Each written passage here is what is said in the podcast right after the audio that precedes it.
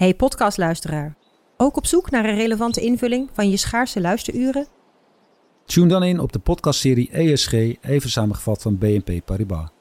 Wij, Marloes en Aldert, spreken daar duurzame voorlopers en wereldverbeteraars. Waarover dan? Nou, bijvoorbeeld of we ooit duurzaam kunnen gaan vliegen. En waarom koeien in de stad nou een goed idee is? Dat en meer elke twee weken in een nieuwe aflevering. Dus abonneer je. ESG, even samengevat. Vanaf de redactie van NRC het verhaal van vandaag. Mijn naam is Thomas Ruip.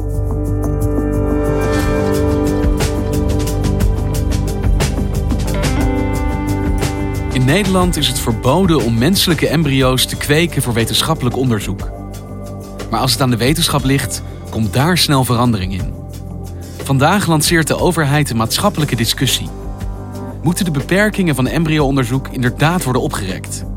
En hoe ver zou de wetenschap dan willen gaan?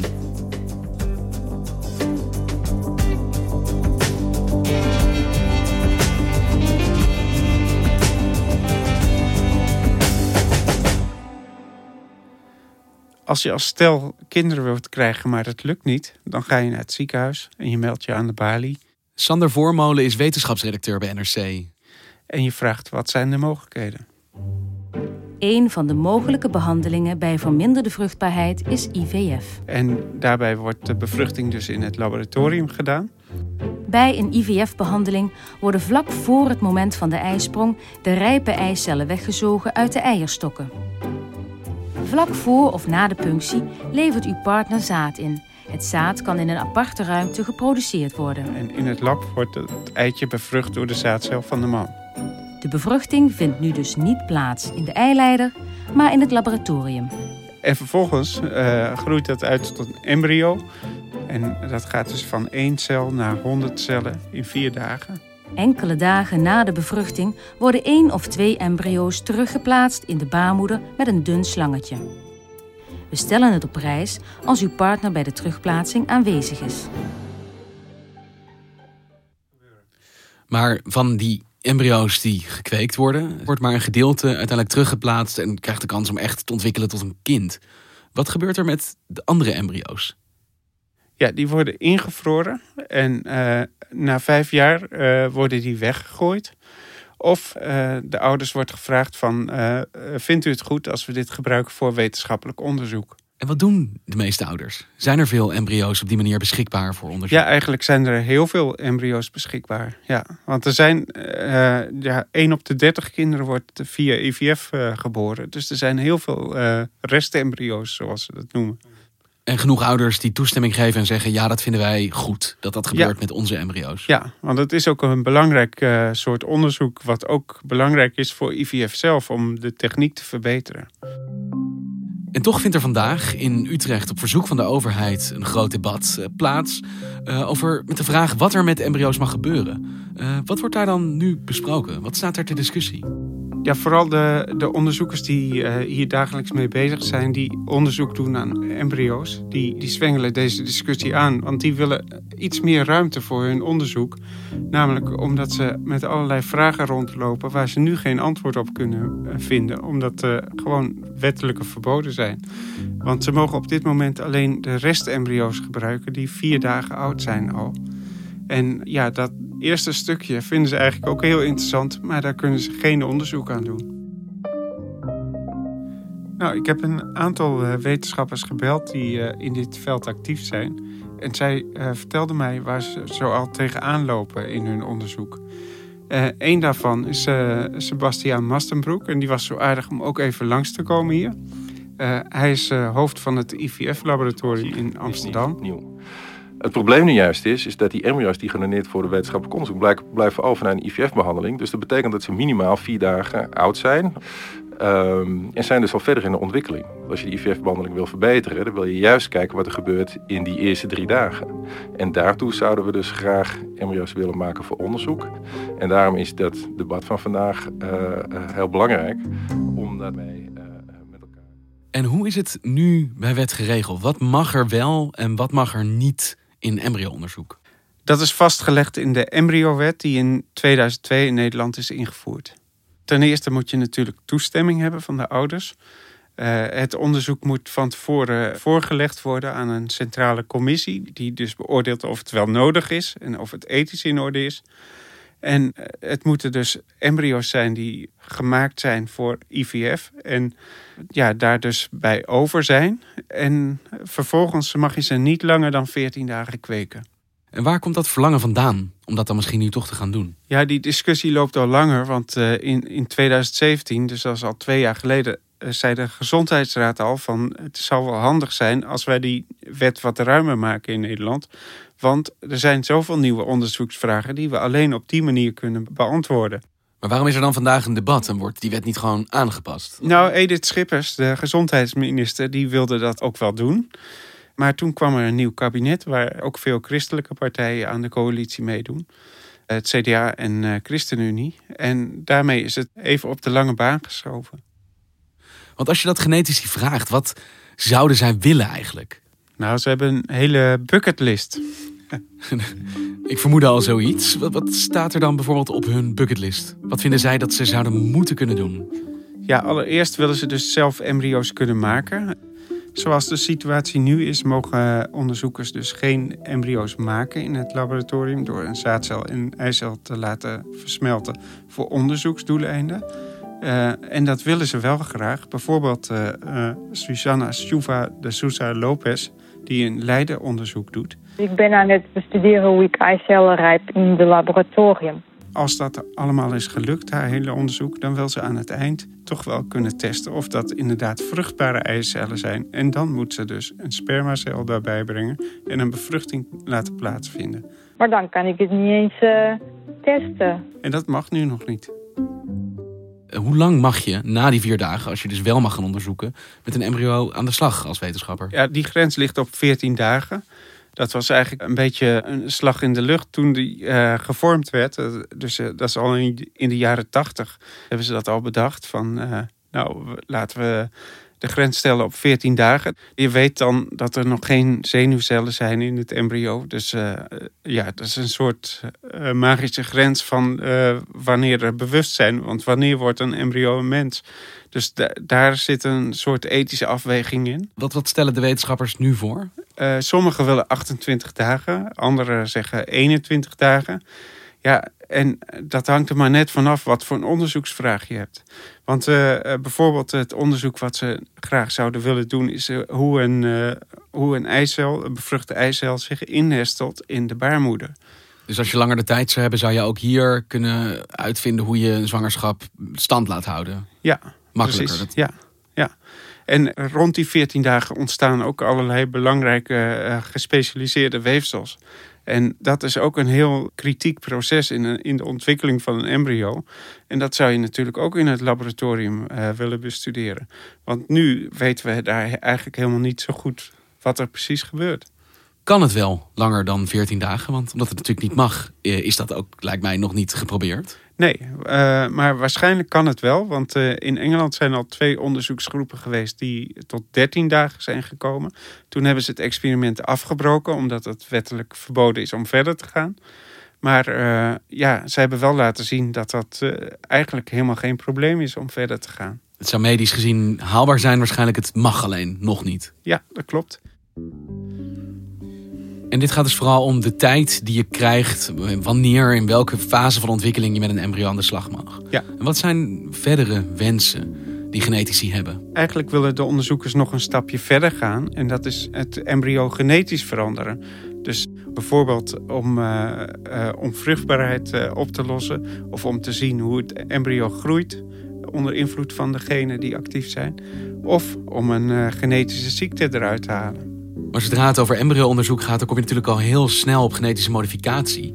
Uh, en daar is er ook wel heel veel tegen te zeggen. Heel veel angst over wat dat zou doen met de toekomst van de mens. Uh, er is denk ik een reden dat dat helemaal verboden is. Ja, iedereen denkt meteen aan designerbabies. Van uh, dat je kinderen intelligenter maakt en sterker en weet ik het allemaal niet. Imagine a world where every child was perfect. They need never get ill. Always be happy. They could be bred to be geniuses. Some say this is no dream. that soon we'll be able to select the genes of our children and have designer babies. Uh, dat, dat is natuurlijk wel een probleem. En da daar moet je ook goed over nadenken. Dat moet je niet zomaar willen. Maar als je uh, bijvoorbeeld een erfelijke ziekte eruit kunt halen. en dat kan veilig en op een goede manier. dan zou dat misschien in de toekomst uh, wel een mogelijkheid kunnen zijn. Op dit moment is het vooral een kwestie van onderzoek doen. Kijken of je het veilig kunt veranderen. En ook kijken of je daar niet schade toe brengt of zo. We hebben nu een beperkende wetgeving en nou, die grens kan wel iets verder opgesteld worden. En dan heb je nog steeds een uh, wetgeving die misstanden voorkomt. En in Nederland mag genetisch modificeren helemaal niet. Dat is een totaalverbod. En is dat wereldwijd? Is dat uh, over de hele wereld waar je ook komt uh, het geval? Nee, sterker nog, het is al gebeurd. Uh, in Amerika heeft uh, Shukrat Mitalipov al een, uh, een genetische ziekte geprobeerd op te lossen. Voor het eerst zijn Amerikaanse onderzoekers erin geslaagd een defect gen in een embryo te repareren. Het lukte ze om een erfelijke hartaandoening letterlijk weg te knippen. Zijn uh, experiment heeft veel kritiek gehad, maar in ieder geval heeft hij wel laten zien dat hij iets kan veranderen in het embryo met een, uh, met een genetische techniek. En die heeft hij tegelijk met de zaadcel in de eicel geplant. En uh, ja, de eerste primeur is er dus al. En hij mocht dit, omdat in de VS deze regels soepeler zijn dan in Nederland dan? Ja, klopt. Ja. En hij heeft uh, uh, keurig uh, toestemming gevraagd van tevoren. En het experiment is ook na 14 dagen wel afgebroken. Of voor die tijd al. Nee, dit was puur om te laten zien wat er mogelijk is. Is dit dan de ultieme wens, genetische modificatie? Is dat zeg maar het eindstation van wat ze zouden willen als ze de ruimte zouden krijgen? Uh, nee, er zijn nog wel meer wensen. Want uh, als je dus uh, genetisch kunt modificeren, dan kun je bijvoorbeeld ook proberen om dieren te maken waar een mensenorgaan in groeit. En dat klinkt heel futuristisch, maar... Ik kreeg meteen heel enge hongerbeelden op mijn netvlies. Ja, Mensen met hoeven en... Nee, maar het gaat dan bijvoorbeeld om een lever die je wilt hebben voor orgaantransplantatie. En dan zou je bijvoorbeeld in een varken zou je een mensenlever kunnen laten groeien. Zodat je daar iemand mee kan helpen die een nieuwe lever nodig heeft. Dit is een echte wens onder genetici om menselijk DNA in dieren kwijt te kunnen. Uh, nou, het, het werkt iets anders. Uh, wat je doet is, uh, je neemt een embryo van bijvoorbeeld een varken. En dat, uh, daar zet je een paar genen in uit, zodat die varken geen lever meer gaat maken. En dan doe je er menselijke stamcellen in. En die gaan op de plek van de lever zitten en maken daar een lever. Ja, in, in Rotterdam bij de Erasmus Universiteit zit Joost Gripnal. En die, uh, die experimenteert daar al mee. En die heeft in zijn laboratorium al matten en ruizen gemaakt, zoals hij dat noemt. Matten en ruizen? ja. Als, als een muisratten, ratmuizen? Ja. Uh, dus het enige wat we in het lab gedaan hebben, is echt muis-ratchimeren gemaakt. Maar uh, geen, niks, we hebben niks gedaan met mensen. En uh, dat doet hij omdat hij organen wil kweken in die dieren, zodat je die voor transplantatiedoeleinden kunt gebruiken. En hij wil dat eigenlijk ook gaan doen met uh, varkensembryo's, waar hij bijvoorbeeld een menshart of een mensenlever in wil laten groeien. Maar er zitten nog wel wat haken in ogen aan, hè? want varken en, en mens liggen behoorlijk ver uit elkaar qua evolutie. Dus uh, om die cellen nog met elkaar te laten communiceren is wel een ander verhaal dan rat en muis. Maar mensen en varken wordt natuurlijk wel echt een, uh, een issue. Het is wel een, een prachtig mo ja, model, laten we maar zeggen, om hele organen te bouwen. En of het ooit uh, een toepassing wordt voor reserveorganen en of dat nodig is, dat is nog weer een volgende vraag. Maar wetenschappelijk vinden onderzoekers dit wel interessant. Hey, Sander, je hebt natuurlijk altijd krachten die er naast elkaar bewegen. Want wetenschappers, als die de kans willen krijgen, zullen ze waarschijnlijk, denk ik, toch alles willen onderzoeken wat er maar mogelijk is. Uh, ja, ja, dat is niet zo uh, eigenlijk. Want ik heb er dus uh, een stuk of vijf gesproken. Die heb ik allemaal gevraagd van wat zouden jullie nou doen? Als dit niet uh, mag in Nederland, ga je dan in het buitenland verder? Ga je dan naar Amerika? Ga je dan naar China of wat dan ook? Nee, zeggen ze, van we houden ons gewoon aan de wet. En ja, dan moeten we met die beperkingen leven. Want houden wetenschappers zich daar eigenlijk altijd aan? Want je laat al zien, er is veel meer mogelijk dan er nu mag. Nee, nee, helaas niet. Want je, uh, iedereen kent wel het verhaal van Yang de, de Chinees die een jaar geleden aankondigde dat hij twee baby's had gemaakt. Die, uh, die hij uh, met genetische modificatie resistent tegen HIV had gemaakt. Ja, dus hij niet alleen genetisch gemodificeerd had waar het misschien niet mocht. En niet alleen die 14 dagen heeft overschreden, maar gewoon kinderen heeft, heeft laten kinderen worden geboren. laten geboren. Ja, en, en in november heeft hij die filmpjes op, uh, op internet gezet waarin hij uitlegt waarom hij zijn experiment heeft gedaan. En dan zegt hij dat hij uh, dit allemaal heeft gedaan voor de mensheid en om deze kinderen te helpen. Two beautiful little Chinese girls named Lulu and Lala came crying into the world as healthy as any other babies a few weeks ago. I understand my work will be controversial, but I believe family need this technology, and I'm willing to take the criticism for them. En hoe geloofwaardig is dat sentiment? Of is hier misschien ook sprake van een soort megalomane eerzucht? Want hij lapt natuurlijk elke regel die er is aan zijn laars. Hij ja, alle wetten die er rond eh, geen onderzoek zijn. Ik denk het wel. Hij, hij probeert natuurlijk eh, als eerste ter wereld uh, deze kinderen op de wereld te zetten. En uh, daarbij heeft hij zoveel ethische grenzen overschreden... dat mensen ook heel erg geschokt zijn. Maar dit is precies de angst die iedereen heeft. Als je weet dat het kan, dan is er ergens wel iemand die het doet. Ja, maar hij heeft dus uh, de ethische commissies om de tuin geleid. Hij heeft uh, zijn onderzoek geheim gehouden. Dus hij heeft er alles aan gedaan dat dit niet uh, eerder ontdekt zou worden. En hoe is het eigenlijk met die kinderen afgelopen? Die twee kinderen die geboren zijn uit zijn onderzoek? We weten het niet. ze zijn, ja, ze zijn nooit. ik heb nooit foto's van ze gezien of wat dan ook.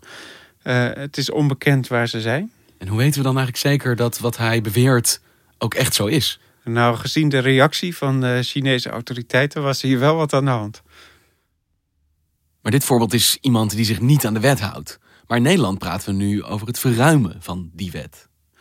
Ja, maar dan moet je niet denken aan het maken van kinderen, want dat is echt niet de bedoeling hier.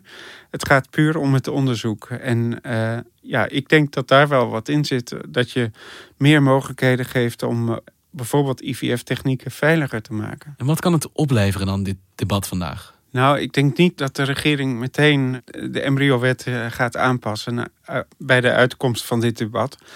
Dat zullen ze doorschuiven naar de volgende kabinet, denk ik. En de toon van dit debat? Nou, ik denk dat, uh, dat het vooral over de ethiek zal gaan. Dus uh, van, mogen we dit wel doen? Maar uh, ik wil nou juist laten zien waarom we het wel zouden moeten doen. Zodat je een eerlijke discussie krijgt. Nu, nu kun je dus wel een nieuwe techniek bedenken. Maar je kunt het niet testen of het, of het goed werkt. En dan is de enige mogelijkheid om het te testen... is om kinderen geboren te laten worden daarmee.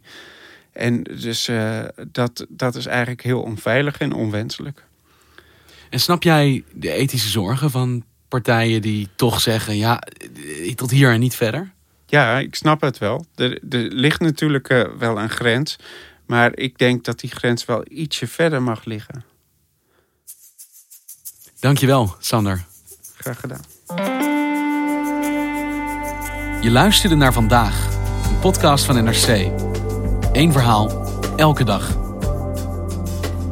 Vandaag wordt gemaakt door Mirjam van Zuidam, Henk Ruigrok van der Werven, Tessa Kolen, Ido Havinga, Julie Blusset, Jan-Paul de Bond, Ruben Pest, Felicia Alberding en Jeppe van Kesteren. De muziek die je hoort is van Rufus van Baardwijk. Dit was vandaag, maandag weer.